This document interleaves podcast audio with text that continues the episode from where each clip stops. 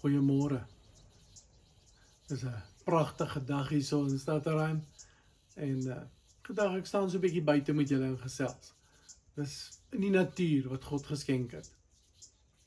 Voor ek vergeet, baie gelukkige Moedersdag aan al die dames. Uh sien net die moeders wat hierdie dag verdien nie. Sommige het is vir sommige is dit 'n hartseer dag. Maar bovenal geniet dit. Hoop julle word ook vandag regtig bederf deur julle geliefdes. Interessant is dat hierdie ehm um, ja Sondag se leesrooster tekste almal op 'n manier na die punt toe terugkom van God is vir ons 'n toevlug. Ons lees in um, Handelinge 7 hoe Stefanus terwyl hy um, doodgegooi word met klippe die hemel oop sien en dus vir hom sy toevlug. Johannes bied vir Jesus aan as toevlug in nood. En natuurlik, natuurlik die teks wat ons mee gaan oopmaak en een van die gedagtes wat so gereeld in die ehm um, psalms na vore kom. Die feit dat God vir ons 'n toevlug is.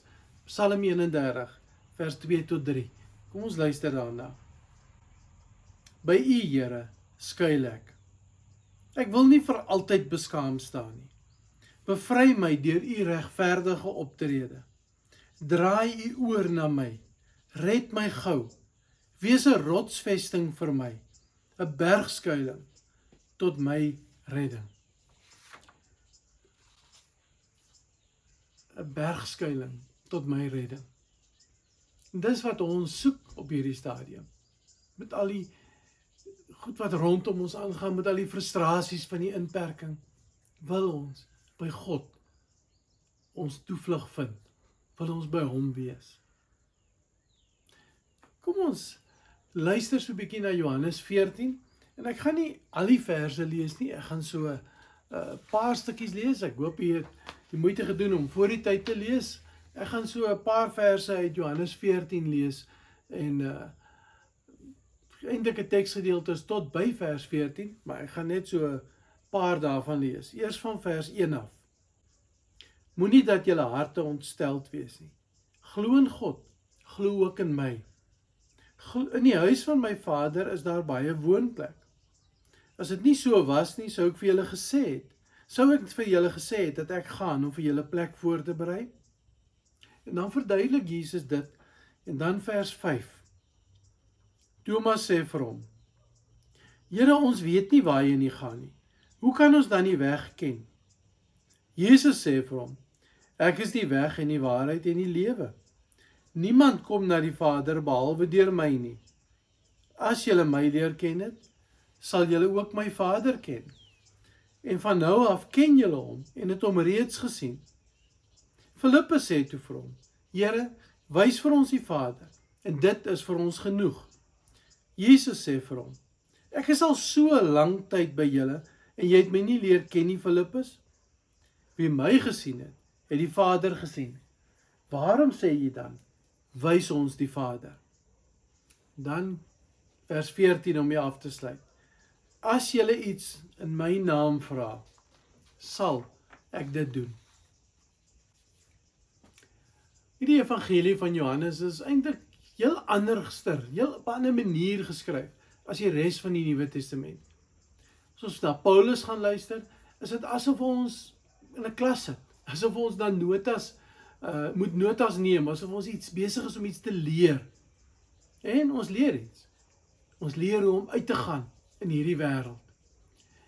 Matteus, Matteus vat ons sinagoge toe om saam met God se volk te leer hoe om Jesus as Messias te herken. Markus is die een wat ons uitdaag Hy daag ons uit met 'n gekruisigde koning. Hy leer ons hoe om 'n diensknegt koning te volg, te volg. Lukas Lukas praat weer met die geleerde Griekse wêreld van sy dag en hy kom skilder 'n groot prentjie.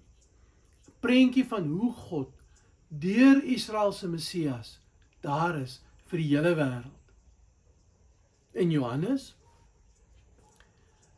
Sy evangelie interessant genoeg is die enigste een wat nie die verheerliking op die berg beskryf nie. Want eintlik gaan hierdie hele evangelie oor Jesus se verheerliking. In 'n sin, figuurlik gesproke, vat hy ons saam die berg op. En dan sê hy, kyk. God se oë kan jy vir ewig sien. Hy kom leer ons om deur die gemors en die deemekaarheid en die chaos en al die frustrasies van elke dag die realiteit van God se teenwoordigheid raak te sien. Dis wat Johannes vir my en vir jou wil kom leer. En al is dit moeilik om om God raak te sien. Al is dit ook vandag moeilik om God raak te sien. Ek lees hierdie week dat daar is amper 10 nuwe samesweringsteorieë elke dag. Vreemd, maak mens kwaad. Laat jou wonder wat aan die gang is. Maar nou sê die geleerdes vir ons, dis deel van ons manier van sin maak van 'n onsinnige situasie. Dis eintlik heel menslik om te kyk na samesweringsteorieë. Want dit laat vir ons voel ons is in beheer. Al is ons so verward soos Thomas en Filippus van wie ons nou net hier gelees het. Al weet ons nie wat aangaan nie. Dan hou ons daarvan nog steeds om op 'n manier te voel ons is in beheer. Miskien moet ons vir Johannes toelaat om ons op reis saam met hom te neem. Daar waar Jesus verheerlik word. Daar waar ons saam met hom vir God kan raak sien in alles wat met ons en rondom ons gebeur. Nou wat is dit wat Johannes vir ons wil wys? Spesifiek hier in Hoofstuk 14 van sy evangelie. Ja, dit is mooi om dit te begin lees. Hierdie hierdie belofte, hierdie belofte van moenie dat julle harte ontsteld wees nie. Glo in God, glo in my. Dis lekker. Maar dalk, net dalk, moet ons eers na die konteks kyk. Net die vorige hoofstuk is eintlik 'n baie hartseer konteks. Want Jesus is op pad kruis toe. In die vorige hoofstuk, in hoofstuk 13 van Johannes Johannes le, lees ons hoe hy die disippels se voete was. Ons lees hoe hy sy verraaier uitwys. Ons lees hoe hy vir Petrus sê hy gaan hom 3 maal verloon.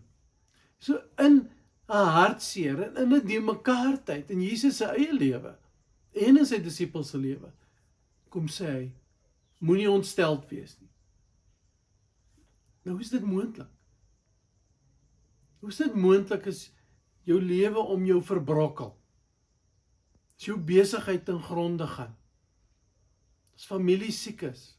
As jy gefrustreerd is.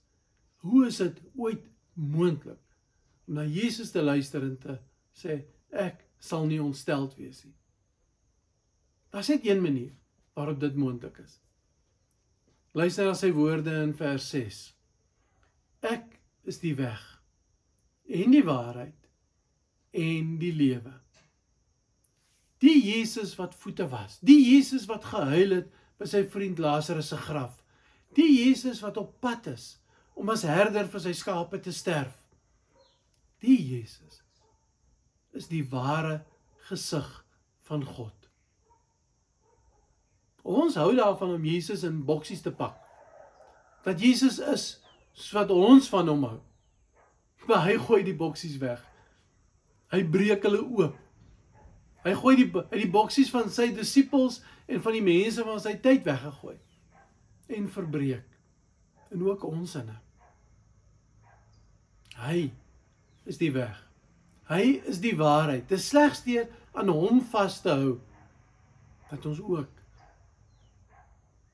kan leef in 'n tyd soos hierdie en nie ontsteld wees nie. Dat ons kan leef in 'n tyd soos hierdie en nog steeds vashou aan God se beloftes. Die kerkhervormer hervormer Martin Luther het ook in 'n tyd van pandemies en plaag geleef. En hy skryf op 'n stadium daaroor so 'n tipe van 'n gedig. Dan skryf hy: as hierdie wêreld vol boosheid dreig om ons omver te werp, sal ons nie vrees nie. Want God skenk sy waarheid met 'n hoofletter gespel. Sy waarheid Jesus om deur ons te oorwin. Die grimmige prins van duisternis voor hom bewe ons nie. Sy woede kan ons deurstaan. Want sy straf is verseker. Een klein woordjie sal hom laat val. Ek en jy is gefrustreerd. Is dalk bekommerd. Is dalk radeloos. Maar die belofte van Jesus kom. Hy is die weg en die waarheid. Moenie ontsteld wees nie, moenie vrees nie. Net deur aan hierdie weg en waarheid vashou ook in hierdie tyd. En nie jou kop te laat smokkel jou lewe te laat omvergooi deur mense wat probeer sin maak, deur mense wat probeer beheer deur allerlei goed wat hulle na jou toe mee kom. Mag jy geseënde en 'n pragtige dag hê soos wat ek hier by staan. Mag jy in hierdie tyd God se nabyheid ervaar. Kom ons buig net eers oor ons hoofde in gebed. Here, U maak van ons U uitverkore volk. Here, U hou vir ons naby U. U versterk ons. U dra ons. U wil ons om in U arms toevou, want U is ons toevlug altyd. Dankie dat ons ook vandag daaraan kan vashou. In Jesus se naam dank ons U. Amen. Gaan hierdie dag in met hierdie woorde van seën. Julle is 'n uitverkore volk, 'n koninklike priesterdom, 'n nasie wat vir God afgesonder is, die eiendomsvolk van God. Die volk wat die verlossingsdade moet verkondig van hom wat julle uit die duisternis geroep het na sy wonderbare lig. Gaan leef nou met daardie genade. Amen. Mag dit vir u 'n geseënde en 'n lekker Moedersdag wees saam met jou familie. Mag almal wat jou moet bel, jou vandag bel. Laat dit goed gaan. Totsiens.